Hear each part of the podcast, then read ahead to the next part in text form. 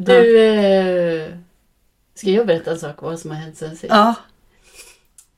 Min äldsta son, min 14-åring, Ja. kom hem och var lite smått förkrossad.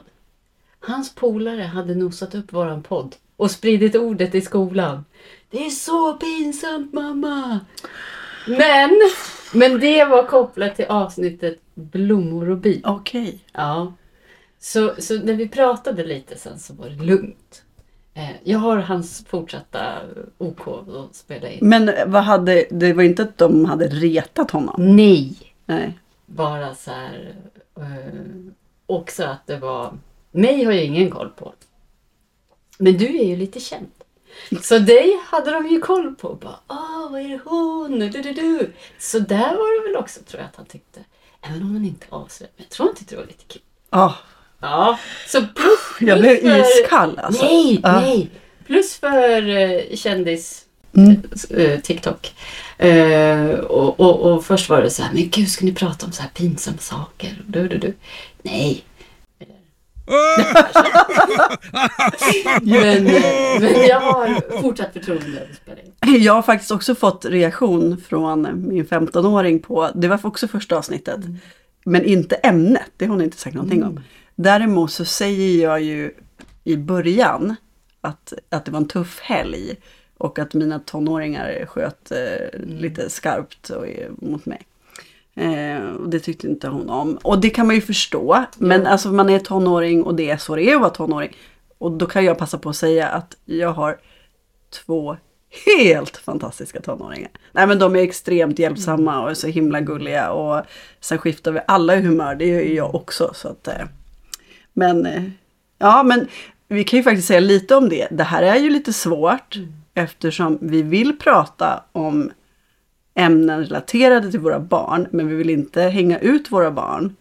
Eller våra sambos eller män. Eller, Alltså ur ett lyssnarperspektiv så skulle det nog vara ännu mer intressant om vi bjöd på ännu mer information.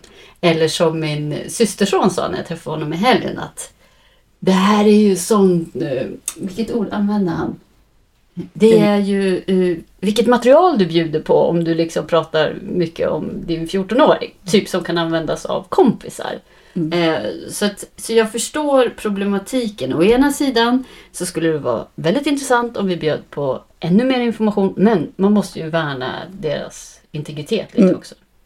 Och mer lyfta ett fenomen eller en problematik, tänker jag.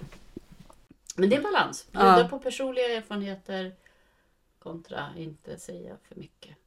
men eh, godkännande från barnen än så länge i alla fall. Ja, Ja, mm. jag kom ju hit. Ja, det gjorde du. Och samtidigt så, jag gör ju sketcher kopplat till familjelivet och livet framförallt med tonåringar. Jag står ju inför samma problematik. En del skriver ju också så här, "Ey, dina barn är bortskämda, typ. Varför lät det sådär? Ja. Men skriver, ja men har du bort, vad bortskämda barn du är, som att det, jag är ju inte mina barn i sketcherna. No. Utan jag fångar ju fenomen Mm. som jag hör från er ibland. Eh, ja, men andra föräldrar eh, som plockar ju såklart igenkänning hemifrån. Men jag tar ju liksom ett större, en större kontext. För, för, fattar du vad jag menar? Ja. För att i, de här situationerna, jag känner ju igen mig när jag tittar på dina sketcher. Eller om jag, min förhoppning är att någon som lyssnar också känner igen sig. Eller tänker att va, så där hade jag inte gjort. Alltså, det, det är också lika okej att inte tycka att det vi säger är, eh, vad ska jag säga, att vara av en annan åsikt. Definitivt. Och det tycker jag är härligt. Alltså för det ger ju också perspektiv. Mm. Men jag tycker också att man som förälder har man ju rätt, alltså när jag gör, eller varför vi sitter här och poddar, är ju för att någon där ute inte ska känna sig så ensam i rollen som tonårsförälder. Och samma sak känner jag med mina sketcher. Jag kan få mycket DM så att, men gud vad äckligt, det känns som att du är hemma hos mig, för att jag känner igen mig i, i det mesta du lägger ut. Men det är också, jag finner ju styrka i de meddelandena för då känner jag att jag är inte ensam och när folk kan relatera till mina sketcher eller det vi säger i podden så får ju det mig också känna så här, nej men gud, det här, jag är inte ensam om det här utan man delar samma problematik. Och någonting vi pratade om innan vi började spela in den här podden är ju att vi också har en önskan om att våra barn och andra barn i den här åldern runt tonåren kan lyssna på det här och kanske också liksom relatera eller liksom fundera och skapa en dialog kring eh, de utmaningar som är när man växer upp som tonåring med sina föräldrar. Eh, Så, så bidra med perspektiv. Vi bidrar med våra, det finns flera, men det är liksom ändå, vi hoppas att det ska träffa många. Lina, vi, du har ju berättat att du har tre barn. Och i förra avsnittet berättade du att du hade en man också. Ja, Och att du har en hund. ja. Vad, vad jobbar du med? Ehm, Jag jobbar idag som HR-partner och har sen, ja, vad är f- 23 minus 5? 18! Tack! Har de senaste 18 åren jobbat inom HR. Men i- i lite Herregud, olika är det så roller. länge? Jag tog examen 2005. Ja. Hjälp. vad- Men jag har haft lite olika roller. Men idag som HR-partner. Vad jobbar du med? Jag har jobbat 15 år som journalist. Ja, det känns ju så absurt. När, det känns som vi nyss tog examen. Ja, men var, jag tog också Tog också 2005 tror jag det var, eller 2006. Eh, men sen så sa jag upp mig när jag väntade mitt femte barn. För jag jobbade i Stockholm och kände att dels så skulle det bli lite jobbigt att pendla med fem barn och sen så trivdes jag inte faktiskt i den rollen jag hade. Det var en alldeles för stor grupp och jag kände att jag, min kreativitet blev hämmad. Så jag sa upp mig och så startade jag eget med, med min sambo Mankan. Och sen så är, har jag också en enskild firma där jag jobbar som kreatör. Väldigt modigt Mm. och inspirerande tycker jag att ta det klivet. Det, det, jag tycker också det var bland det modigaste jag gjort skulle jag säga. Och det var ganska svårt från att jag sa upp mig. Från, för man har, inser man när man sagt upp sig, en ganska stor, alltså identiteten är kopplad till det yrket man har. Eh, så att vem var jag när mejlen när blev avstängd och jag inte fick Ja, men det många kanske klagar på är så här när man får, oh, får så många mejl och man är så trött. Och, det förstår jag, för jag var samma. Men när det helt plötsligt slutar komma in mejl och jag inte har min yrkesidentitet. Så det tog en, två år minst innan jag liksom fann mig i det nya, så att säga. Nu älskar jag det, jag har jättesvårt att se att jag ska gå tillbaka som anställd. Visst, om jag behöver göra det ur ekonomiskt perspektiv, ja, men alltså, jag vill det verkligen inte. Jag älskar att vara egen. Och det inspirerar mig att du vågade ta klivet och att, att du mår så bra i, i din sysselsättning, om vi kan säga så. Jag har också haft ett sånt moment apropå vem är jag om jag inte är, men kopplat till vem är jag om jag inte är en mamma. Mm. Oj, Ja, var, var kom det ifrån då? eh, det var när mitt tredje barn var fyra månader. Jaha, okej. var- Och, och eh, ja, men det är kämpigt eh, liksom med eh, ett litet barn men det är också jättemysigt. Men så låg han och sov och eh, de andra var iväg så det var liksom tyst och tomt hemma. Och så hade jag en stund så jag liksom bara la mig på soffan och så började jag reflektera. Jag är så väldigt mitt uppe i att vara mamma av ett litet barn som kräver mycket omsorg och tid. Och då hade jag ju också en fyraåring och en sjuåring. Så det var liksom, det är fullt fokus på, på barnen. Ehm, men då började jag tänka så här, vem, vem är jag? Jag kommer alltid vara en mamma. Men den dagen då barnen inte behöver mig lika mycket, hur kommer det påverka mig? Har du landat i den? Nej, för jag är fortfarande i rollen att jag har barn som behöver mig ganska mycket. Ehm, Men det kommer definitivt påverka mig den dagen alla mina tre barn har flyttat hemifrån. Det kommer bli så tyst och tomt. Jag tror att det är ganska många som eh, krisar vid när barnen flyttar hemifrån. Just för att det blir en ny form av identitet. Eh, Både kopplat till om man lever ihop med sin partner som man har skaffat barn med. Men också utifrån sig själv. Om man inte i tidigt skede har sett till att liksom rusta upp. Eh, att man har mycket annat som är min identitet. Inte bara mamma och jobb. nej, nu har jag fem barn och varit alltså, småbarnsförälder känns som i snart vad blir det? Med 100-årsjubileum. 15 år! Eh, Så jag ser ju bara att det finns så mycket i livet som jag vill göra. Så jag bara känner så att jag vänder och vill göra med min sambo. Mm. Så att jag bara, eh, jag älskar livet som mamma. Jag trivs att vara mamma. Jag, jag trivs med att vara tonårsmamma. Jag trivs med att vara småbarnsförälder. Men jag ser fram emot all den tid. Det kommer kännas som oändligt med tid, tror jag. Som sagt, vi kommer fortfarande vara mammor då. Ja, verkligen. Men det kommer finnas tid och utrymme för annat än barnens behov. Mm. Vad har mer hänt sen sist? Oj, jag fick blackout. Vad har hänt sen sist hos dig? Jag har varit på Oktoberfest. Oj, oj, oj, oj, oj. Den du! När, när var detta? Det här har jag missat helt. Ja, alltså. Du måste uppdatera sociala medier Lina. Ja, okej. Poddlina har inte lagt ut att hon har varit på Oktoberfest. Så här, det var städat. Det var, hem, det var min familj hemma hos min systers familj. Jaha, okej. Ja, så det var En liksom privat en oktoberfest. liten privat. eh, Var det kostym och hela Eh, Läderhouse? Heter det så? Läder- jag vet inte Heter det inte. Läderhausen? Nej, vi skämtade om det innan men sen eh, eh, det blev inga kostymer. Men det blev, temat på maten var helt och hållet tyskt. Eh, Schnitzel? Vad äter man på en oktober? Det är väl schnitzel? du ska gå runt här. Tysk? Tyska korvar? Vi åt tyska korvar, sauerkraut, surkål. Mm. Du kan ju tänka dig bilfärden hem sen. Ska vi outa din man här nu? Eller vem var Nej, det jag som... pratar om mig själv. Det var jag du- Jag outar mig Du själv. gasade på. Jag Du- gassade hela vägen hem.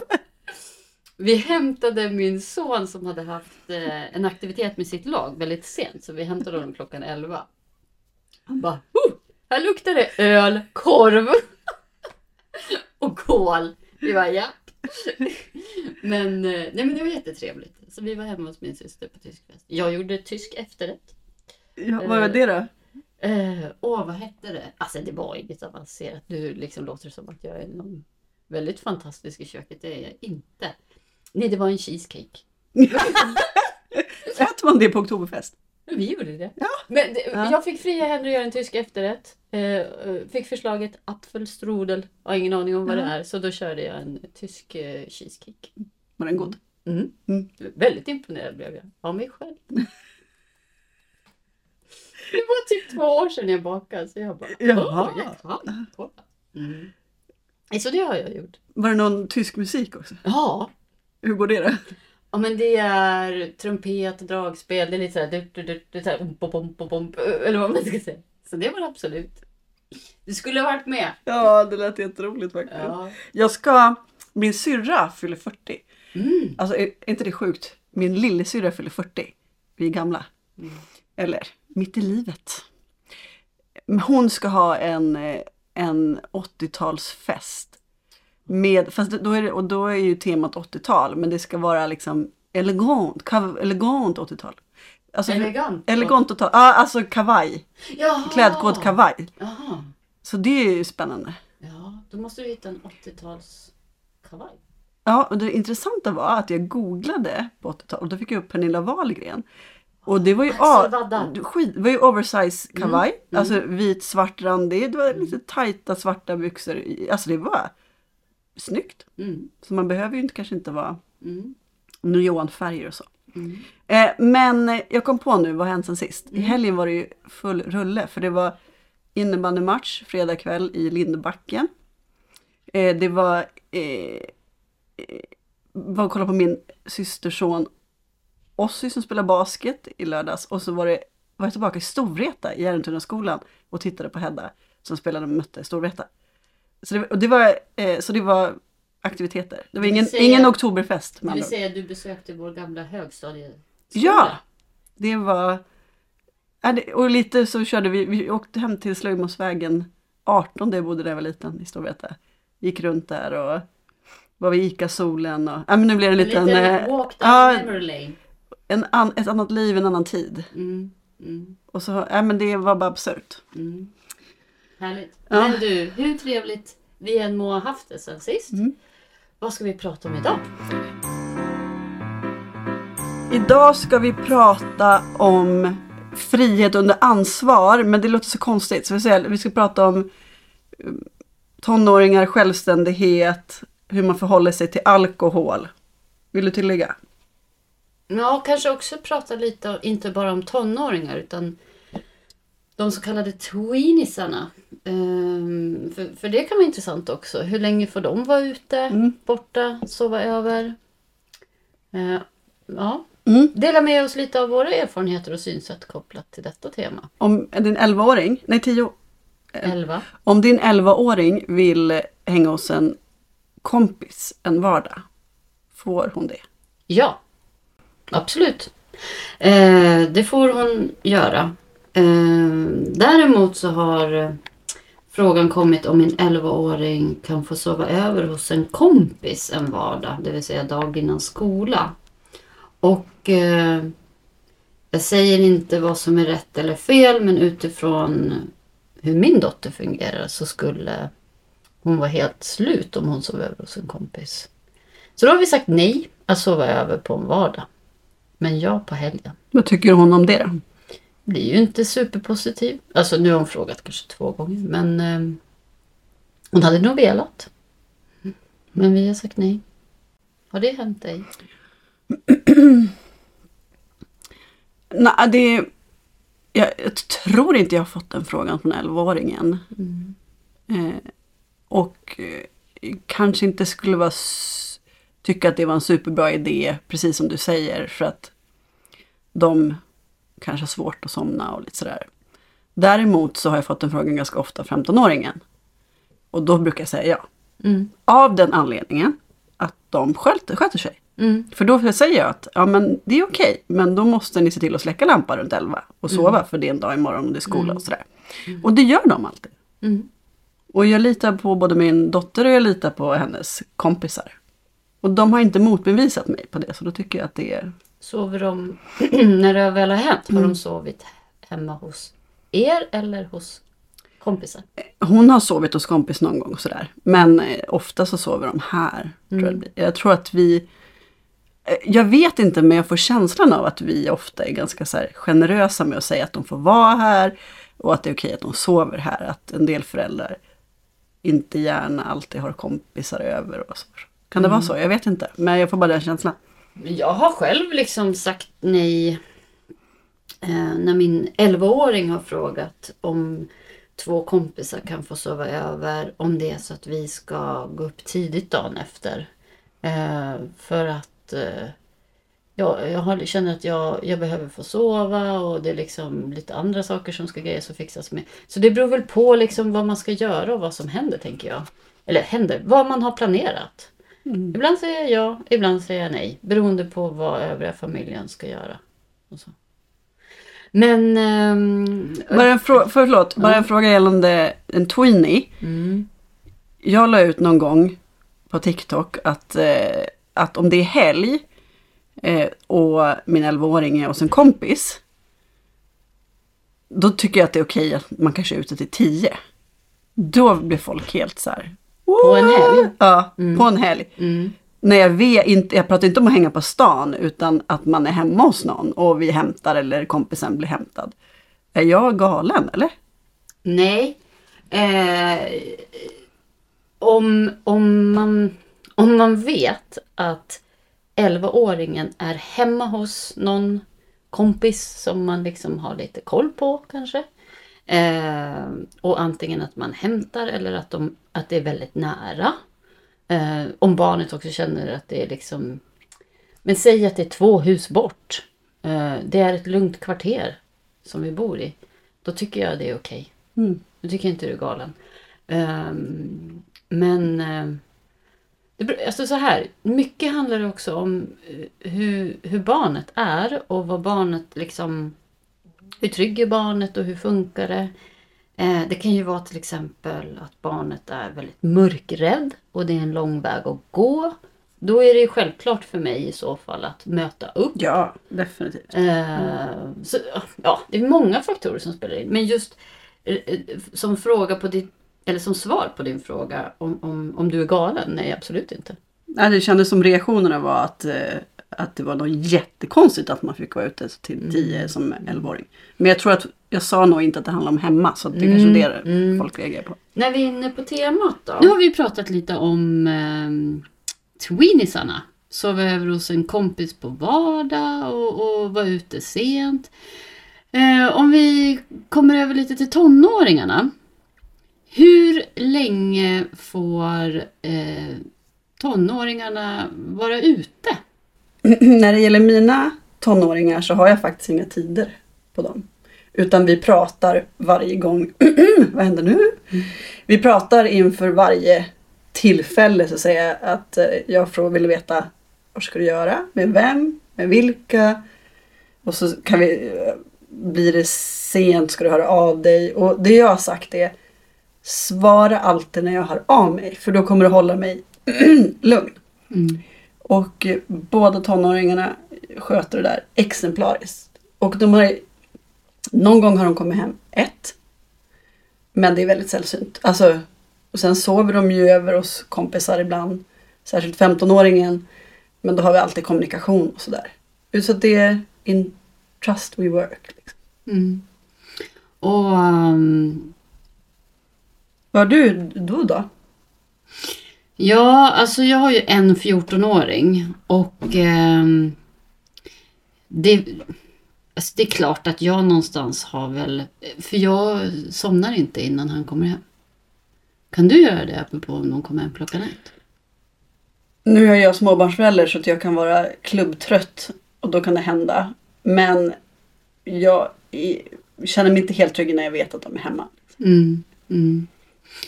Ehm, han, eftersom det är en han, min 14-åring, har inte kommit hem så sent som klockan ett.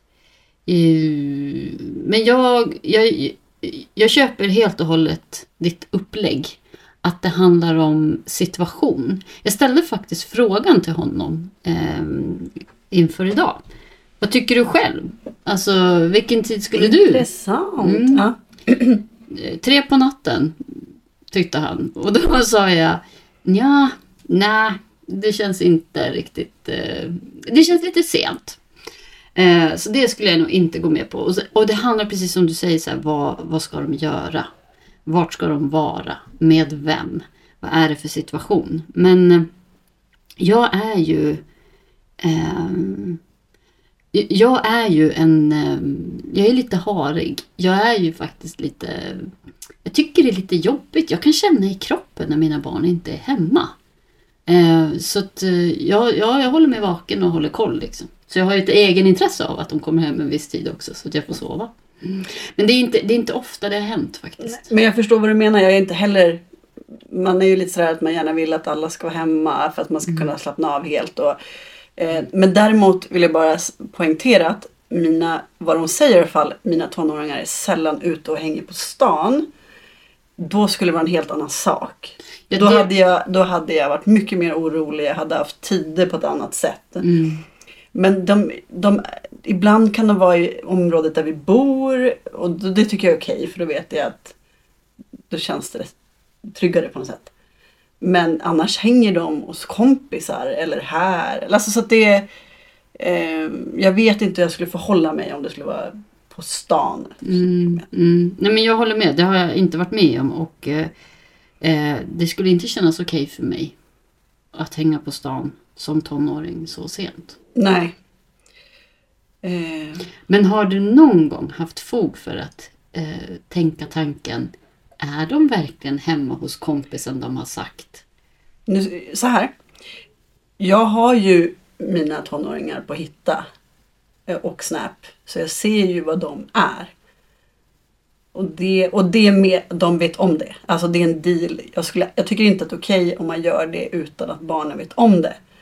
Men att ha en, en GPS-spårning på dem och de tycker att det är okej. Jag tror att de, eller det de sagt, är att de själva tycker att det känns tryggt att ha det. Att de vet att jag vet vad de är. Eh, så att nej, jag, nej. Jag, jag hoppas och tror att de är ganska uppriktiga.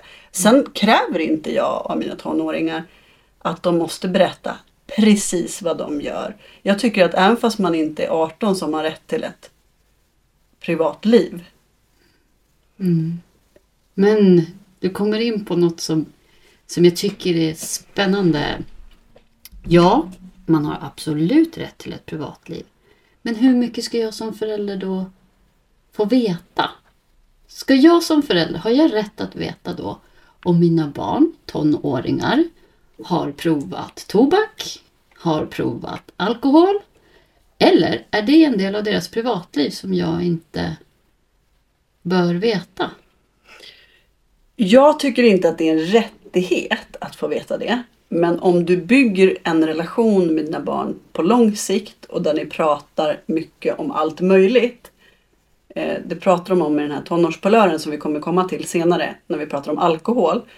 Men om man har en bra relation med sitt barn och pratar om det mesta eh, så tror jag att barnet känner sig, tonåringen känner sig så trygg att den kan berätta att den har testat. För jag kan säga att jag vill veta. Jag vill veta om mina barn har provat tobak, alkohol. Har du sagt till dina barn hur du skulle reagera om du fick veta att de hade provat? Vi har touchat det lite. Och jag har sagt att eh, jag kommer absolut inte bli sur. Men eh, jag skulle vilja veta. Och jag har ju ställt frågan. Eh, jag har pratat, dels ställt frågan men jag har också pratat runt ämnet. I form av har du varit liksom nyfiken eller intresserad av att prova snus eller cigaretter eller så? Och så frågar jag, är det några andra i din ålder som har testat? Eh, det blev en liten eh, mag magsång. Eh, och, och, och liksom... Men Vad ska jag säga? Alltså, jag, jag vill också veta. Mm. Men har du, tycker du att du verkligen har en rättighet att veta? Jag inser att jag inte kommer få veta allt. Men jag är ju vetgirig.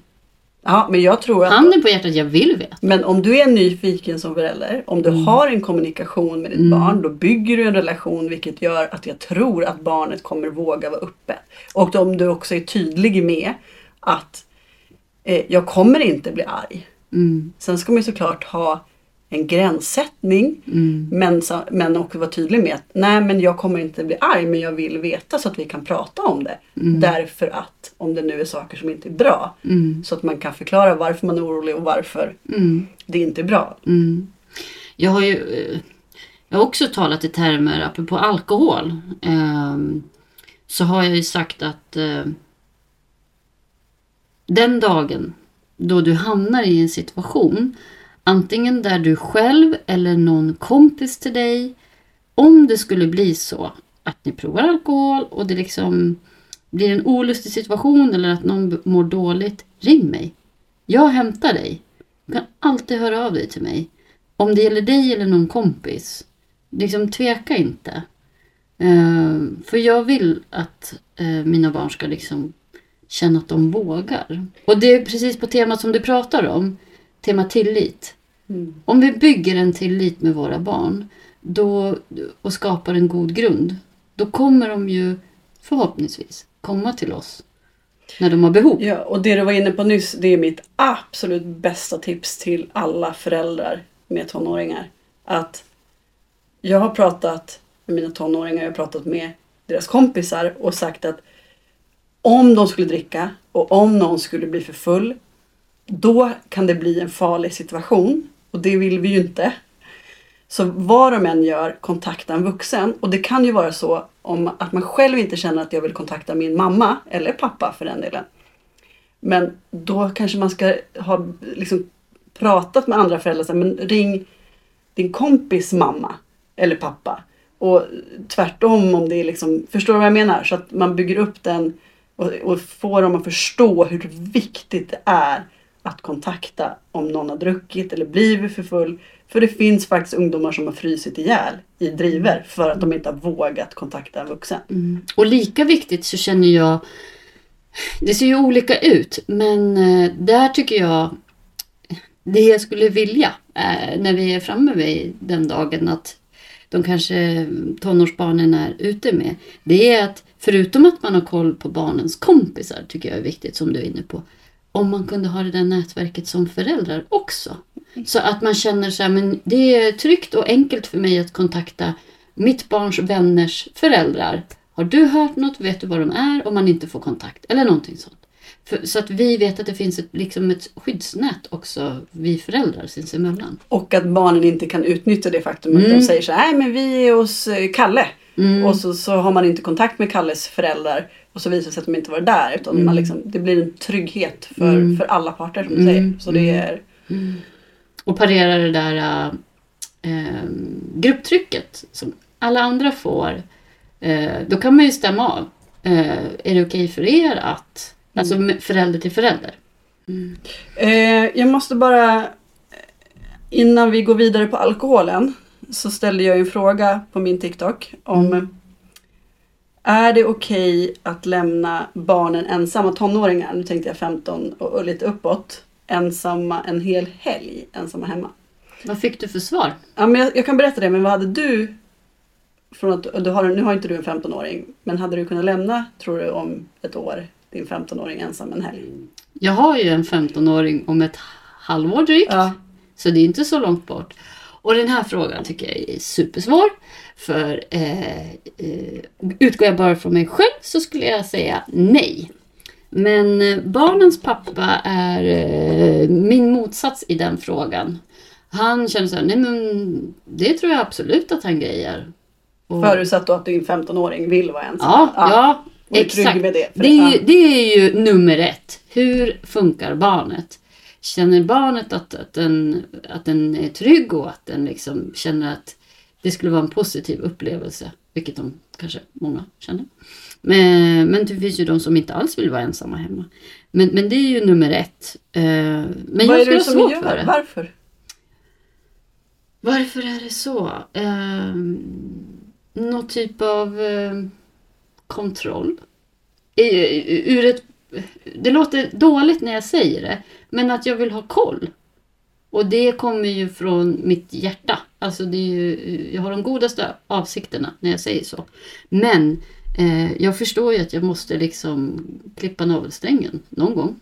Litar du på ditt barn? Ja. Är jag naiv? Så- Nej. Ibland kanske man Ja, ja, ja, ja. Mm. Alltså det är klart att vi är. Mm. Hur naiva var inte våra föräldrar? Mm. Nej men det är klart och jag tycker det där är svårt för att ja, jag litar. Eh, nu tänker jag ju såklart på mitt äldsta barn. Jag litar på honom.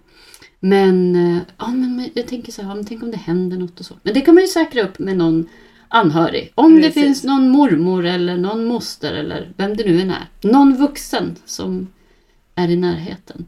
Jag har ju lämnat båda mina tonåringar eh, och det har gått jättebra. Och jag, vi har ju kontakt såklart och jag vet att det finns ett, ett nätverk runt dem. Eh, Så jag har ju inget problem med det. Men fråga, det, svaren är, några, jag fick jättemånga svar, men några svar. Eh, då var det någon som frågade, är det ens lagligt att lämna barn ensamma hemma? Och då pratar vi från ålder 15 och uppåt. Ja, men då är svaret så här. Det finns ingen lag som anger från vilken ålder barn kan vara ensam hemma. Det finns inte heller någon bestämmelse för hur uppsyn ska utövas över barn. Dock har barnet utifrån juridisk synvinkel rätt till omvårdnad, trygghet och god uppfostran. Eller fostra, fostran. eh, och sen är det andra så svarar jag, hade kunnat det, men första, gången, men första gången hade jag pratat med grannar och givetvis hade både jag och barnet varit tillgängliga på telefon. Eh, Det är många, en annan skriver, det är många 16-åringar som flyttar för att gå, gå gymnasiet på annan ort. Så nog borde 15-åringen kunna vara hemma generellt sett. Det tycker jag också. Jag har två kompisar eh, i min närhet som flyttade hemifrån när de var 16 år. För att gå på gymnasieskola på annan ort. Mm. Och här är någon eh, ungdom som skriver, är 15 år och hade inte vågat sova själv. Mm. Då ska man ju inte. Nej, precis. Nej, absolut inte. Absolut Mm. inte. Alltså säger barnet nej, då är det ju big Mm. no-no. Mm. Eh, någon annan skriver, nej, absolut inte. De kan ju hitta på vad som helst. Det kan de ju. Apropå att vi Mm. kan vara naiva. Mm. En annan skriver, jag tycker absolut inte man ska lämna en 15-åring ensam. Och så skriver någon det vi också var inne på. Ja, det beror på hur mogen och ansvarsfull tonåringen är. Självklart. Absolut. Och eh, jag önskar ju att jag var lite mer som du. Men instinkterna i min mammakropp säger nej, nej. Eh, och det är inte att jag inte litar på honom. Det, jag vet inte. Jag tror att det har att göra med Det finns eh, ett sätt som illustrerar mig och eh, barnens pappa, min man. Eh, när vi har varit på köpcentrum här i stan. Eh, själv med tre barn. Eh, när barnen var yngre, då gick jag med kundvagnen och så sa jag åt alla barnen Håll i vagnen! och ständig liksom, uppsikt, håll er nära. Det var min eh, stil på köpcentret. Kontra min man då. Han gick längst fram med så här, äh, armarna bakom ryggen, strosade lugnt och bara tog det väldigt manjana. Barnen, ja men de kommer väl efter. De håller koll på mig. Vi är ju olika som föräldrar och det påverkar såklart våra barn. Och det där, det där är ju, eh, finns ju fördelar med att vi är olika men det kan också nyttjas av våra barn. Mm. De vet vem de ska få fråga.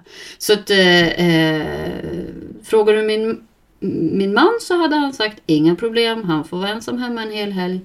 Och jag hade behövt jobba med mig själv liksom för att Alltså jag, för jag, jag, tänker så här, du kan ju inte kontrollera heller även fast ni är hemma. Om din tonåring eh, åker iväg. Det kan ju hända vad som helst. Mm. Mm. Eh, jag, jag, tror att det är viktigt. Man ska göra precis som man vill. Så jag lägger, vill inte säga liksom dumma eller. Men jag tror att det är viktigt att våga ge barn självständighet. Jag tror att vi båda har sett exempel där föräldrar inte ger barnen möjlighet att utveckla sin eh, självständighet. Och att där kan det då bli en motsatt effekt. Att man barnen, gör revolt. Det, precis, mm. precis. Mm. Mm. Och det är samma, alltså redan vid små barn, jag försöker utmana Bonnie och Louie, att de, man ser hur de växer. Vill du hjälpa till att laga mat? Vill du eh, hacka gurka? Och en del kan bara, ah, får man hålla en kniv? Eh, vill du plocka ur diskmaskinen? De kan ju så mycket mer än vad vi, man tror. Mm. Om man bara ger dem möjligheten att. Mm. Mm. Ja men det, det, är ett halvår kvar Alina. Så ja, får, eh... jag hinner väl kanske klippa navelsträngen innan dess. Vi får se. Ska vi prata om alkohol? Ja. Du skickade ju faktiskt eh, tonårspalören till mig. Från IQ. IQ. Mm. Och där har de några tips på hur man pratar med sina barn om alkohol. Hur låter de tipsen? Eh, ett, bygga upp en nära relation. Det var vi inne på. Det är kanske för att du och jag läst den här också. Så, två, eh, prata om allt möjligt. Eh, då brukar det också bli naturligare att prata om alkohol och andra känsliga ämnen. Tre, berätta varför du är orolig.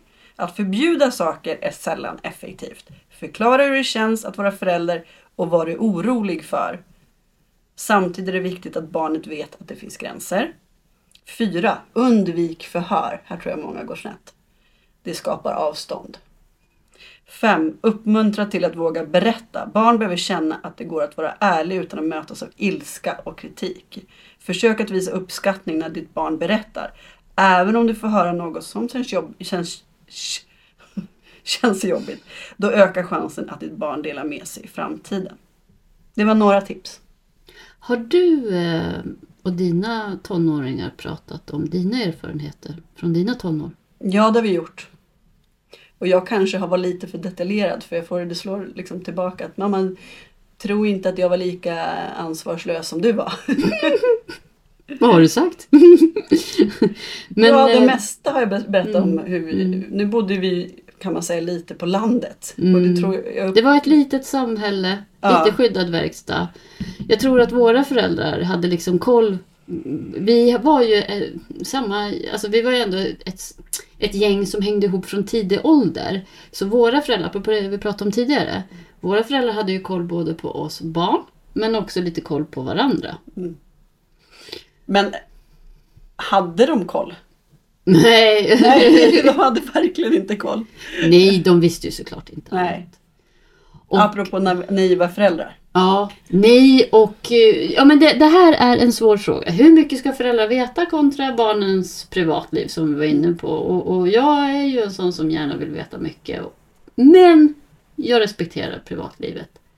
Men jag vill mer slå ett slag för för det som du lyfter nu, bland annat det här vikten av den goda kommunikationen med sitt barn. Det öppnar ju upp för så mycket. Dels att vi har en fin relation med varandra men också att jag vill att mina barn ska känna sig trygga med att höra av sig till mig. Jag kommer inte skälla ut dem om de ringer och de har hamnat i trubbel. Jag kommer liksom, vi kommer kunna prata om det, men jag kommer hjälpa dem. Jag, jag tycker du är inne på något viktigt. Eh, Jag är ju anti-straff för Mm. barn. Eh, För att stra- ja, du kan få barn dit du vill genom att hota med straff. Men eh, då får du dem dit för att de är rädda. Inte för att de har respekt för dig. Eller för att ni har en fin relation. Jag tror på tålamod och nöta genom ah, kommunikation och ha öppna samtal och våga prata om jobbiga ämnen med sina barn. Mm. Jag eh, är inte så säker på att mina föräldrar pratade om alkohol med mig. Minns du det? Gjorde dina föräldrar det? När du var tonåring? Eh, ja, det tror jag att de gjorde. Min pappa var ju polis. de pratade om alkohol. Men, men sen också, vi, kan, vi pratade om det innan, innan vi hade börjat räcka om att vi kanske inte ska prata så mycket om våra egna erfarenheter. Av olika anledningar. För att vi, varför egentligen? Vi tror att det kan vara en dålig... Är det Ja. eftersom... Ja. Och varför? Varför inte? Jag vet inte om det kan vara känsligt i form av att förebilds... Ja, jag vet inte. Vi nämner inte det nu, vi får suga på Mm. den då. Kanske Mm. lite. Mm. Men, men en, en sak som jag tror många brottas med. Mm. Och jag ska bli jättespännande att höra vad du tycker om det här. Men alla rekommendationer är att man inte ska låta barnen smaka alkohol hemma och man ska absolut inte köpa ut. Mm. Eh, Det är 18 år Mm. som gäller. Mm. Men vi vet att mest troligt, eller vi vet inte, men vi, apropå att vi inte är blinda, vi är inte dumma. Alltså, vi vet, idag är det också annat som flödar i samhället än vad det gjorde på vår tid i alla fall. Men det finns ju en ganska stor sannolikhet att de kommer testa. Innan de är Trots 18. att vi säger nej. Ja. Mm. Hur ska man förhålla sig till alkohol He- i hemmet? För du dricker ju lite alkohol på lördagar och fredagar. Det gör ju jag med. Ja. När din 17-åring sitter där vid matbordet, Mm. kommer du låta hen smaka? Här och nu vill jag svara att jag kommer eh, låta barnen bli 18. Innan de får smaka hemma. Jag är grundad i att jag absolut aldrig kommer köpa ut. Aldrig någonsin. Nej, man ska inte köpa ut och man ska inte låta dem smaka hemma. Eh, Här och nu svarar jag så. Eller här och nu. Ja, nej men det är min ståndpunkt. Mm. Är du av annan åsikt? Nej, jag är inte det. Alltså för att alla, alla experter säger att man inte ska det. Mm. Och då tänker jag att de borde veta vad de snackar om. Mm. Och vill, vill mina tonåringar testa innan de är 18 då får de hitta sina egna vägar. Jag tänker inte bidra till det. Hembränt. Hembränt! Okej. Nej men jag tänker inte köpa ut. Nej, Aldrig någonsin. nej, det ska man inte göra. Mm. Vad blir nästa ämne då Lina? Då ska vi prata om, är vi för tillgängliga för våra barn? Eh, det här fenomenet eh, har jag själv reflekterat över att i vart fall mina barn och kanske speciellt ett av dem kontaktar mig varje eftermiddag efter skolan. Och eh, det kan vara, det mest vanliga är att jag kan inte svara för att jag sitter i möten eller är upptagen. Och då kan jag upp till, jag skojar inte, jag räknar en gång, 14 missade samtal. Då tror, tänker jag så här, brinner det? Har det hänt något? Nej, när vi väl liksom fick sms-kontakt. Vart är O'boyen mamma? Ja, jag skrattar, förlåt. Men alltså det är ju, ja. ja. Vi lämnar det där Mm, och så tar vi upp det nästa vecka. mm. Hur ska vi avsluta? Kommer vi fram till någonting? Nej, det gjorde vi inte. Jag vet. Arrivederci! Vad betyder det? Har du inte sett Förrädarna? Nej, jag kanske har. Vad betyder det? Nej, vi, Ja. Har du något annat förslag? Ni, ni som fattar, ni fattar. Mm. Tack och hej. Nej, vi måste hitta någon slutkläm. Ja. Vi får klura på den också. Ja.